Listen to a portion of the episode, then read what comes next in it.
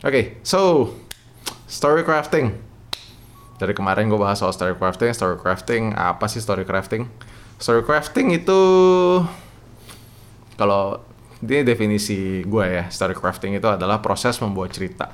Jadi kita buat cerita dari awal sampai akhir itu gimana caranya. Jadi itulah yang kita craft sama kayak ketika kita apa bikin satu art, no no art, misalnya let's say patung atau lukisan ya, that's that's a craft gitu loh. Jadi kita nggak bisa nggak apa kita menciptakan sesuatu dari satu dari mulai sampai akhir. Dan di sini gue ngomong berdasarkan dari kayak video wedding ya. Jadi mungkin kalau misalnya ada yang agak sedikit miss atau gimana ya mohon maaf karena ini dari kacamata gue sebagai video wedding video videographer wedding gitu. Nah um, tadi story crafting ya proses membuat sebuah cerita dari awal sampai akhir terus mungkin ada beberapa dari kalian yang bilang kayak like oh, apa bedanya sama storytelling hmm kalau buat gue pribadi crafting itu lebih kayak proses membuatnya. Telling itu adalah hal yang dari craft lu harus tell to the whole world gitu. Jangan lu simpan sendiri karena lu udah craft lu mesti show it to the world apa pun yang dalam pikiran lu mungkin akan bilang eh, aduh aduh crafting gue jelek atau segala macam nope uh, just send it to the world show it gitu loh gitu. karena kadang-kadang proses kritik itu adalah bagian dari pembelajaran. Dan bukan kadang-kadang sih proses kritik itu adalah bagian dari pembelajaran. Jadi sebisa mungkin habis di craft habis dibuat ceritanya detail jadi craft and tell craft and tell. Jangan jangan craft habis itu disimpan di dalam laci jangan. Dan oke okay, uh, eh, proses pembuatan dan prinsip cerita kenapa gue nganggap kayak skill story crafting ini lumayan penting gitu. Karena kayak di kehidupan sehari-hari uh, sto kita tuh hidup dari story. Kalau misalnya oke okay, mungkin kalian out udah, udah bosen banget dengar dengar kata-kata corona covid segala macam. Tapi ya itulah story yang lagi berkembang di masyarakat uh, tentang virus corona. Dan itu yang se apa ya sehari-hari akan dicari sama sama sama kita gitu ya. Kan kayak beberapa story kita percaya beberapa story ibu-ibu kita percaya beberapa story orang-orang tua kita percaya. Dan ya itulah pentingnya story crafting dan storytelling gitu terutama crafting. Karena kalau misalnya kita nggak buat sesuatu yang believable kita nggak maksudnya believable karena ini kan statusnya news tapi kalau misalnya kita nggak buat sesuatu yang menarik yang bisa di apa yang yang yang yang akan mau didengar orang yang akan mau dibaca orang it, kayak itu kayak like puff gitu loh. Orang nggak akan dengerin. Itu sama kayak ketika virus corona pada awal-awal dibuat sekali saya oh itu cuman kayak sekedar virus flu segala macam. Sampai ketika kira korban berjatuhan Wuhan lockdown itu baru dan tanda kutip mulai menarik perhatian dunia. Itulah pentingnya story crafting gitu. dan itu yang dilakukan sama jurnalis-jurnalis dan semua surat kabar juga mereka punya punya apa punya feeling untuk merajut storynya bagus. Makanya itu kayak kita pun juga sebagai videographer wed yang terutama bekerja dalam bidang wedding juga kita harus bikin story gitu. Mungkin kalian juga bilang kayak ah wedding kan cuma dari A sampai Z sama tapi kan nggak nggak nggak nggak gitu juga caranya gitu. Kita kita nggak mau bikin sesuatu yang monoton kita nggak mau bikin sesuatu yang dari A dari misal wedding satu A B C D F A B C D F. Men sayang banget gitu loh.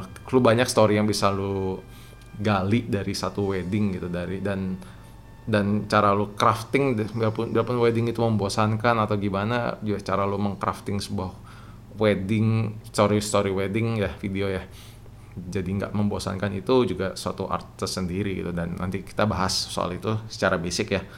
Nah balik lagi kenapa story crafting itu penting. Dan kalau misalnya kita bisa lihat dalam bas dalam kalau klasik-klasik nggak usah nggak usah diomong lah. Disney Hans Christian dongeng-dongeng Hans Christian Andersen dan segala macam. Uh, buku-buku yang kita baca sejarah bu sejarah tangkuban perahu segala macam itu kan story gitu yang di itu ini kayak ber, bergenerasi bergenerasi bergenerasi bahkan kayak story-story yang horor kayak genderuwo lah apa ya, ya itulah makhluk-makhluk astral itu itu juga cerita-cerita yang dari awal dari dari awal banget diceritain ke nenek-nenek kita dan akhirnya kayak sekarang ini jadi kayak masuk ke kita gitu. Nah, uh, kalau di zaman modern salah satu storyteller yang paling buat gue paling kayak zlep yang bagus banget itu kayak bukan non director ya itu adalah Steve Jobs gitu loh dan si Steve Jobs itu punya quote satu yang paling terkenal gitu dan salah satunya adalah the most powerful person in the world is a storyteller gitu loh. dan kalau storyteller itu bisa kayak bikin sesuatu yang bisa dikenang bergenerasi mungkin sama kayak caranya Steve Jobs itu apa uh, presentasi gitu lo akan bisa dikenang. Dan sampai sekarang gue rasa sih belum ada yang niru ya belum ada yang maksudnya bahkan deket pun termasuk uh, penirunya si Elizabeth uh, Elizabeth Holmes. Elizabeth Holmes pun cuma meniru. Dia nggak bisa nggak bisa apa nggak bisa benar-benar kayak that skill of story crafting and story tellingnya Steve Jobs is like out of this world. Oke, okay, kita lanjut ke struktur. Jadi di dalam story crafting itu kalau pernah dengar ada kata drama tiga babak. Drama tiga babak itu ya, awal uh, permulaan, perkenalan, konflik dan resolusi gitu. Dan gua rasa kalau misalnya gue pribadi di dalam wedding world ini bikin pre-wedding, bikin wedding itu tipsnya adalah ya pak tiga ini. Ya mungkin nggak ada konflik kalau nggak mungkin bisa. eh pasangan berantem dong kita buat drama, yang kan nggak mungkin gitu. Tapi di di apa di tengah-tengah ini mungkin bisa dibikin apa mungkin bukan konflik tapi kayak isinya apa lu mau nunjukin apa di di apa di video lu gitu loh apakah apakah kalau dulu uh, mana ikut workshopnya still motion ya still motion itu pernah bilang habis nonton video wedding lu orang nggak kenal bisa simpatik nggak bisa kenal nggak sama klien ini. Dan itu yang penting dia tengah-tengah ini gitu loh. Gimana caranya orang bisa berturut berbahagia gitu loh. Walaupun mereka mungkin nggak kenal atau mungkin mereka mungkin mereka kenal jauh atau mungkin mereka nggak kenal nggak kenal sama sekali gitu. Nonton video wedding lu yang yang highlight atau misalnya yang full kayak like oh iya mereka ternyata pasangannya bagus lovey dovey segala macam gitu. Nah ini yang penting. Tapi kalau buat gue yang penting itu di 1, 2, 3 start. Isi. Ending. Start sama ending ini pentingnya setengah mati gitu. Terutama start ya. Start itu kalau misalnya gue ngedit SDI dan bikin kayak pre-wed gitu gue selalu akan cari yang pertama itu how am I gonna start the story? Gitu loh. Apa sih yang mau gue ambil sebagai start kadang-kadang bisa aja kayak pemandangan pemandang atau establish establishment tempat segala macam. Atau bisa juga mungkin gue mulai dari beauty shot untuk untuk untuk setting the mood. Karena kalau dari start aja moodnya nggak di set gitu loh. Orang akan kayak bingung gitu. Dan apalagi di tengah jalan tiba-tiba moodnya berubah atau segala macam. So you set the expectation on your video at the start. Kalau di sekarang ini kayak di versi Instagram mungkin kayak di generasi Instagram ya 15 detik awal itu menentukan. Kalau 15 detik awal lu nggak bisa menarik perhatian si viewer, bye, selesai.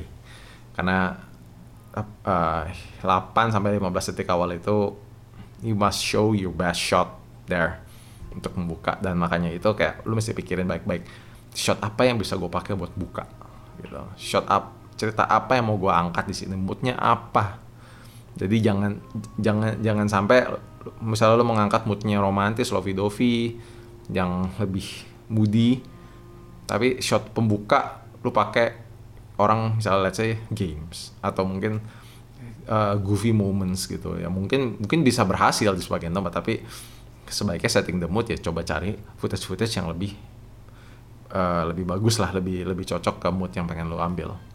Nah yang kedua ending how you end the story is as important how how you start the story. Berapa banyak dari kalian yang masuk bioskop, habis itu bingung, kayak kayak apa? Kayak nggak kayak kayak kayak endingnya endingnya kok gini ya gitu loh. Ini kok endingnya gini banget gitu kayak dipaksa dipaksa kelar gitu banyak banget apalagi yang kayak film-film yang high budget biasanya yang high budget atau punya kontroversi biasanya mereka kadang-kadang endingnya ada yang di cut gitu. Dan ini kayak lu mesti pikirin baik-baik gitu. How you gonna create a good ending di cerita lu? Dan a good ending ini ya memang memang mesti lu pikirin dulu.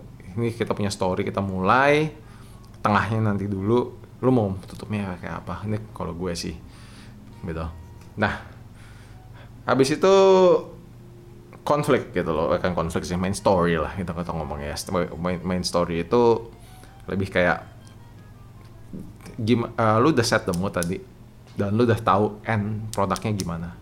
Main story-nya ini akan sort itself gitu loh. lu akan lu akan tahu apa aja mau lu pakai di sini apa aja yang enggak lu pakai. Karena nggak semua misalnya let's say ke video pre-wed atau video video highlight terutama ya SMD edit lu nggak mungkin masukin semua footage ke dalam satu video itu. Jadi kadang-kadang lo juga mesti ada sesuatu yang dikorbankan. Dan itu boleh banget. Buat gue itu wajar banget. Karena buat gue apa yang lo nggak masukin itu sama dengan sama pentingnya dengan apa yang lo masukin. Karena kalau lo mencoba masukin semua biasanya jadi kayak capcay yang nggak enak. Kayak semua sayur dimasukin semua bumbu dimasukin akhirnya apa? Nggak ada enak-enaknya gitu. Dan jadinya malah jumbled. Jumbled up. Nah uh, balik lagi ke tadi main story jadi misalnya let's say lu mau sesuatu yang moody sesuatu yang kayak lebih lebih apa lebih bikin lebih apa lebih menggali perasaannya. Dan makanya itu kayak shot-shot lo yang ada di main story itu juga harus mewakili hal-hal itu. Dan itu juga akan lanjut ke how do you shoot. Tapi walaupun kadang-kadang kita nggak bisa milih footage-footage kita tapi at least ya kita bisa salvage lah apa aja yang kira-kira bisa kita ambil di sini, ambil di situ. Oh, ini kayaknya bisa masuk nih. Gitu. Dan baru terakhirnya kita masukin suara gitu. Suara, lagu dan segala macam itu ada di pas boleh cek podcast gue tombol merah bundar itu kita bahas soal suara itu di the how we edit how we edit how we do some edit di episode 3 apa 4 gitu kalau nggak salah gue lupa nah Um, itu kita lanjut ke mungkin kayak editing ya. Editing itu keep it simple and concise gitu. Jadi kalau gue punya prinsip jangan pernah nambah-nambahin, jangan pernah lama-lamain footage yang nggak perlu. Misalnya let's say orang orang ambil bolpen, banyak banyak gue lihat videografer yang kayak like ya diambil tangannya dulu, bolpen, dicetek, terus baru nulis segala macam. Uh, oke okay, nanti kita bahas berarti. Uh, kalau buat gue tuh kayak scene scene itu mesti dibagi. Lo mau bikin mau bikin orang nulis gitu loh. Gimana caranya? Tapi jangan bikin scene orang nulis tuh dilama-lamain. Ambil bolpen slow motion dicetek slow motion dia tulis slow motion gitu. Buat gue itu kayak ini buang-buang waktu. Orang orang tuh nggak punya spend attention yang lebih yang yang kayak gitu. Orang lebih kayak prefer udah lu ambil bolpen lu tulis. Karena esensinya adalah apa yang lu tulis biasanya. Bukan scene orang ambil bolpen kecuali beda misalnya lu bikin iklan iklan Sharpie. Lu bikin iklan Sharpie ya dan orang mesti kayak like oh ya ini mesti kayak ditunjukin Sharpie-nya. Tapi fokusnya itu di Sharpie bukan di tulisannya. Ya mas. Mas Diki. Mas Diki lockdown nggak mas Diki? Nah uh, dan balik lagi ke tadi itu yang gue bilang gitu kayak editing itu mesti bikin orang itu simpatik sama apa yang lu bikin apa sama apa yang lu, lu, lu bikin tadi story story tadi gitu. Apakah orang bisa relate? Apakah orang bisa kenal dengan couple-nya kalau dari video wedding ya? Apakah orang bisa tahu moodnya di situ? Kayak oh they were such a lovely couple atau they're such a uh, fun couple atau gimana. Dan itu penting banget sih. Dan itu memang pengalaman yang harus ini kayak just makanya kayak tadi gue bilang di awal craft tell show the world. Craft tell show the world. Udah jadi jangan takut dikritik jangan takut di apa di judge segala macam. Ya people will judge you anyway. People will critic you anyway. Dan jadi kayak anggap aja itu sebagai input input lo untuk bikin sesuatu yang ke depannya lebih bagus untuk crowd lo. Karena nggak mungkin juga kan lu nggak bisa memuaskan semua orang kok gitu. Dan oke okay, um, kayaknya itu aja dulu untuk basicnya. Dan tadi pada pertanyaan how do you find your style of story crafting sama mami mami pretty hmm style ya. Style itu kalau buat gue sih lebih ter, lebih terkaitnya sama taste ya. Kayak dan taste itu kan bilang taste itu acquired gitu. Dan taste acquired itu bisa dari semua semua yang udah lu pernah lu makan.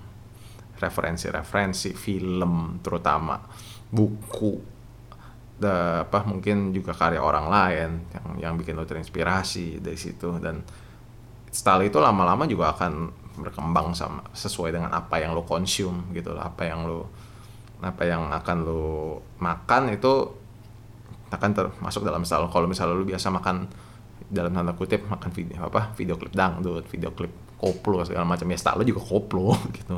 Tapi kalau misalnya lu banyak makan style yang lebih serius kayak misalnya kayak lu tiap hari lu tontonin Tarkovsky, Wes Anderson lama-lama style lu juga akan mirip-mirip ke dia gitu. Dan itulah makanya uh, how do you find your style by reference banyak-banyak nonton film banyak-banyak baca dan banyak-banyak lihat referensi orang lain.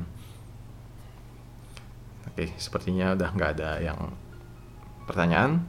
Uh, eh, 20 menit ya kayak pas lah. Dan mumpung di sini ada Pokroni, ada Benedictus Lee, ada Surya Jaya. Gue mau uh, plugin dulu. Jadi di masa-masa kayak WFH, uh, work from home dan kawan-kawan gini, mari kita bantu yang lain yang kira-kira tidak bisa keluar dengan bikin workshop-workshop dan kawan-kawannya dan kayak live Instagram gini. Lebih lebih banyak lah gitu.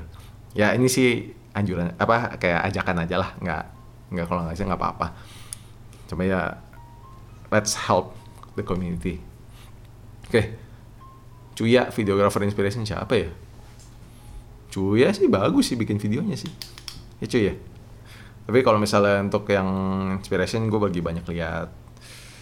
Uh, Gordon von Steiner. Hmm, GV, GVS GVS bukan Gufus ya. Kalau Gufusnya di Bali. Nah uh, kalau director sih banyak sih. Dan Christopher Nolan terus juga Wes Anderson. Wes Anderson sih gila banget sih. Dia punya ininya. Dan ada beberapa beberapa apa beberapa sinematografer lainnya yang oh Denis Villeneuve. Kalau director Denis Villeneuve bagus banget. Uh, oke okay. Petit Turang movie favorite. Apa ya? Banyak banget. Chungking Express Chungking Express uh, apa lagi ya? Chungking Express uh, film-film Bong Joon Ho ya oke okay ya. Terus apa lagi ya? Tapi Chungking Express sih. Kayak kayak storytellingnya walaupun kesannya berantakan tapi kalau nonton dua tiga kali kayak like oh ya yeah, this is like some genius storytelling di Chungking Express. Uh, oke. okay. Kayaknya udah nggak ada pertanyaannya dan udah tinggal lima orang kita end dulu aja ya oke okay, thank you udah 20 20 menit waktu kalian dihabiskan di sini. Uh, kita ketemu di Insta Live selanjutnya. Ciao. Thank you.